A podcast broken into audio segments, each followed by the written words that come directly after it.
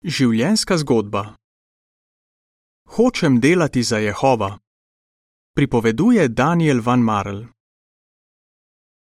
Majhni skupini ljudi, ki smo jih obiskali blizu vasi Grambori, ki leži globoko v deževnem gozdu v Surinamu, smo pomahali v slovo. Nato smo se z lesenim čovnom odpravili na pot po reki Tapanahoni.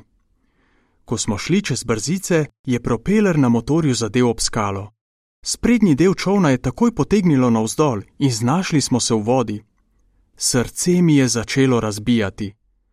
Čeprav sem kot okrajni nadzornik s čovnom že leta potoval po rekah, nisem znal plavati.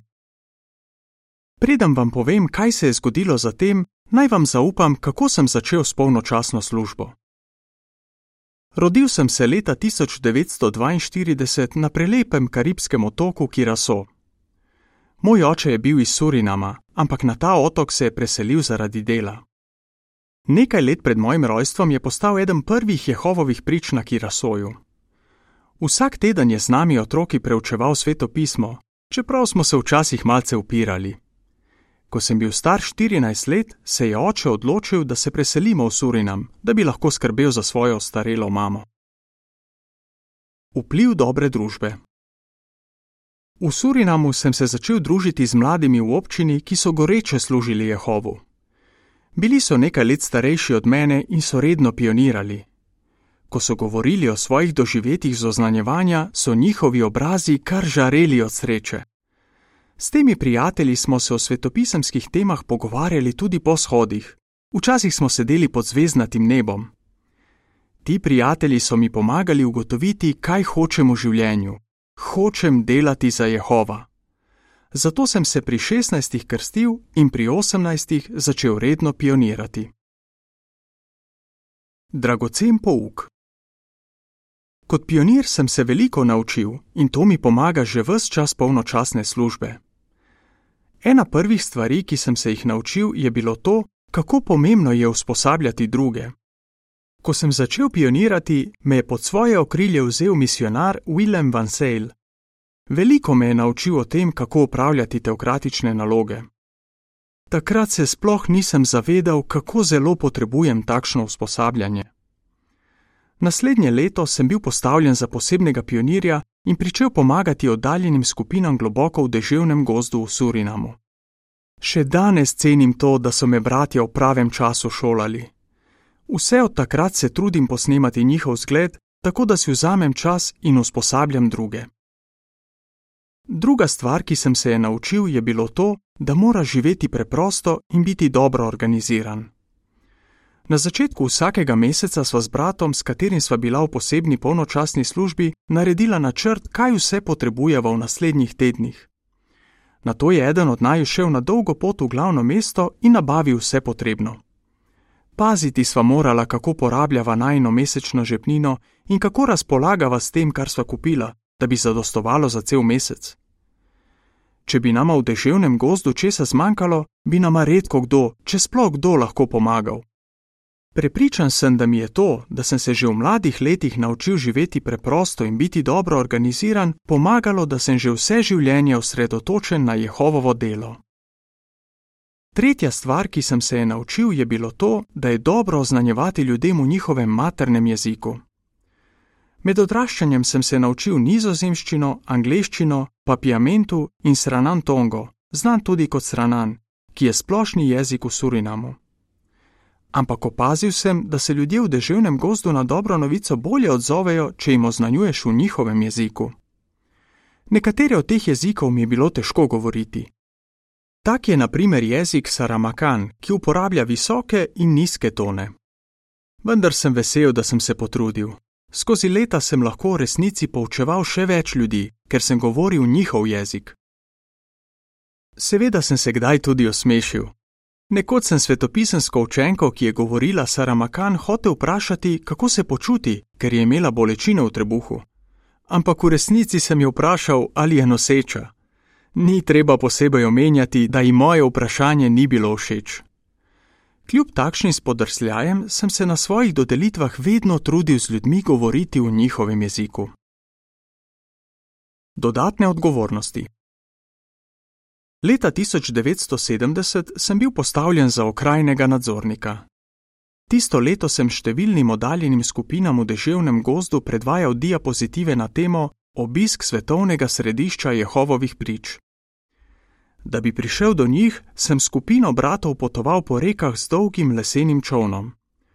Na njem smo imeli generator, prenosni rezervoar za gorivo, petrolejke in opremo za predvajanje diapozitivov. Ko smo prišli do cilja, smo vso opremo odnesli do kraja, kjer naj bi se predvajal program. Z teh potovanj mi je najbolj ostalo v spominu to, s kakšnim veseljem so ljudje gledali diapozitive. Tako srečen sem bil, da sem ljudem lahko pomagal spoznavati Jehova in zemeljski del njegove organizacije. Ti duhovni blagoslovi so daleč presegli vse, kar sem v fizičnem pogledu žrtvoval, da bi služil Jehovu.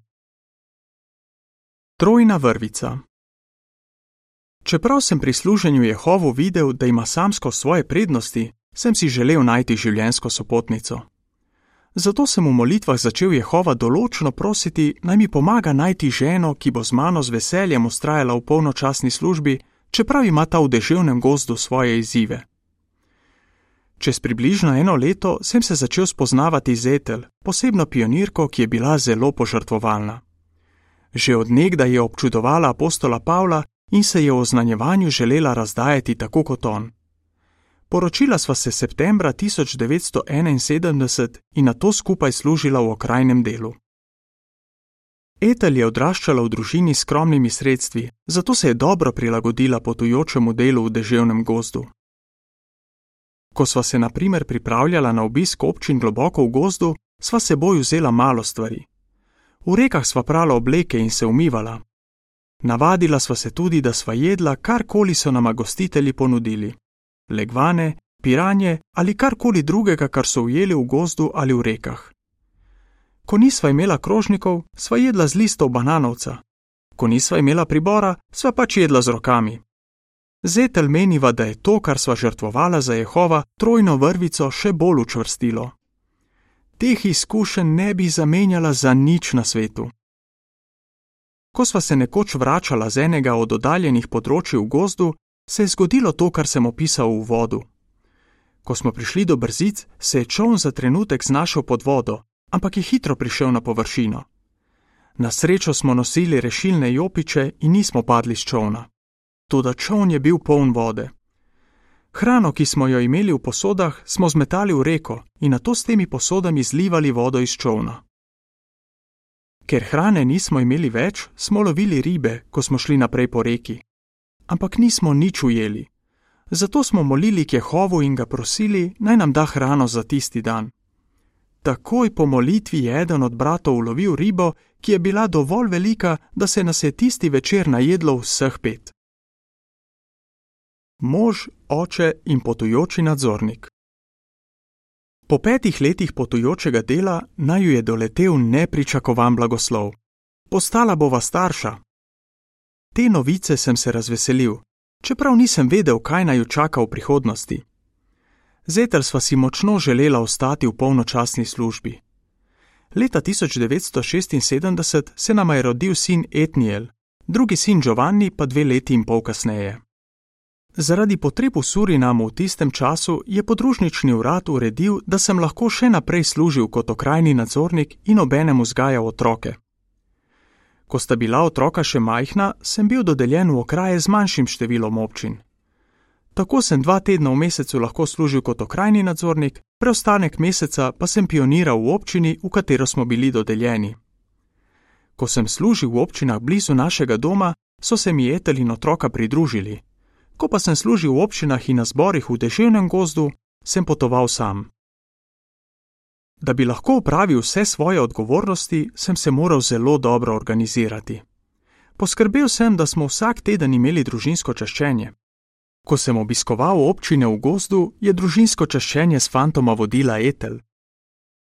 Vendar smo stvari počeli skupaj, kadarkoli je bilo to možno. Zetel sva redno skrbela tudi za to, da sta fanta imela zdravo sprostitev. To so lahko bile kakšne igre ali pa izleti v bližnje kraje. Veliko krat sem ostal po konci pozno v noč in se pripravljal za teokratične naloge. Etel, ki ustreza opisu dobre žene iz pregovorov 31:15, pa je ustajala že pred zoro, da smo lahko kot družina prebrali dnevni stavek in zajtrkovali, preden sta otroka odšla v šolo. Res sem hvaležen, da imam tako požrtvovalno ženo, ki mi je vedno pomagala izpolnjevati svetopisemske odgovornosti. Kot starša sva skušala narediti vse, da bi otroka imela rada Jehova in oznanjevanje. Želela sva, da si najna sinova izbereta polnočasno službo. Vendar nisva hotela, da to naredita zaradi naju, ampak da se sama tako odločita. Vedno sva poudarjala, koliko veselja prinaša polnočasna služba, ter kako nam je kot družini Jehova pomagal in nas blagoslovil. Seveda pa ima nisva zamovčala izzivov, ki jih prinaša ta služba. Skrbela sva tudi, da sta bila sinova v družbi sočastivcev, ki so Jehova dajali na prvo mesto v življenju. Jehova je poskrbel za vse potrebe naše družine. Seveda sem se vedno trudil narediti svoj del. Iz izkušenj, ki sem si jih v deževnem gozdu pridobil kot samski posebni pionir, sem se naučil, da je dobro vnaprej načrtovati, da poskrbiš za svoje materialne potrebe. Ampak včasih zaradi okoliščin nismo mogli imeti vsega, kar smo potrebovali, pa naj sva se še tako trudila. Prepričan sem, da nam je v teh okoliščinah pomagal Jehova. V Surinamu je bila naprimer konec 80-ih let in v začetku 90-ih let državljanska vojna. V teh letih je bilo težko dobiti celo osnovne potrebščine, ampak Jehova je poskrbel za nas. Ko se ozrem nazaj.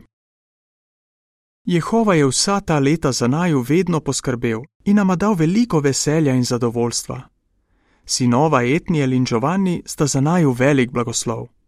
Včas nama je, da sva ju vzgojila tako, da služita Jehovu. Navdušena sva, da sta se tudi ona dva odločila za polnočasno službo. Oba sta končala eno od teokratičnih šol in zdaj skupaj z ženama služita v podružničnem uradu v Surinamu. Zetel sva zdaj že v letih, ampak še vedno delava za Jehova kot posebna pionirja. Pravzaprav sva tako zaposlena, da se še do danes nisem naučil plavati. Vendar ničesar ne obžalujem. Ko se ozrem nazaj, sem iskreno prepričan, da je bilo to, da sem že v mladosti začel pionirati, ena najboljših odločitev, kar sem jih kdaj sprejel. Konec članka.